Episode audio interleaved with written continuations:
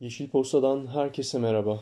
Bugün yapı özellikleri inşaat sürecinde ve sonrasında yerel, ulusal ve küresel ekosistemin işlemesini iyileştirmeye yardımcı olan yeşil binaları yeşil yapan özellikleriyle hep birlikte tanıyacağız. Hazırsanız başlayalım. Bir önceki postamızda da değindiğimiz gibi şehirlerin iklim kriziyle uyum sağlaması önem taşır.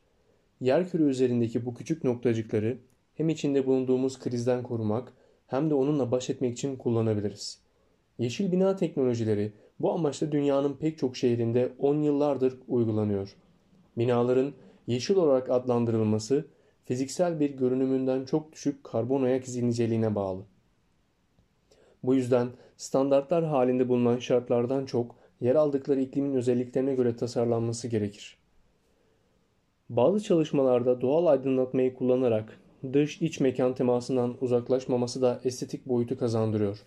Binaların inşasında tükenme tehlikesi olmayan, ulaşımı kolay ve yakın çevreden temin edilen malzemeler tercih ediliyor. Örneğin Kopenhag Üniversitesi dünyanın ilk karbon nötr binasına ev sahipliği yapıyor. Bina ısı pompalarının yanı sıra güneş enerjisi kullanılarak ısıyı elektriğe dönüştürebiliyor. Binanın dairesel şekli gün ışığını mümkün olan en iyi şekilde alabilmek için özellikle tercih edilmiş.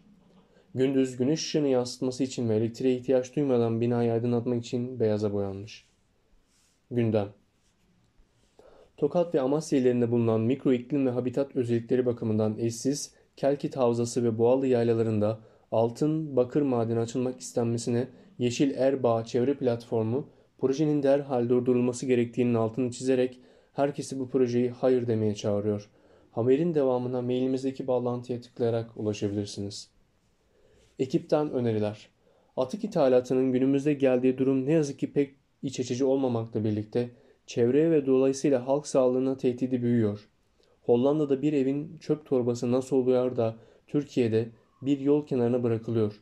Yazı serisinin Yaron Wester'in kalemi ve Mehmet Can Akpınar'ın çevresiyle herkesin okunmasının mühim olduğunu düşünüyoruz.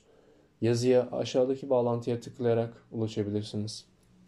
Sevgili Yeşil Posta takipçileri, sevgi ve iyilikle yeşil kalın.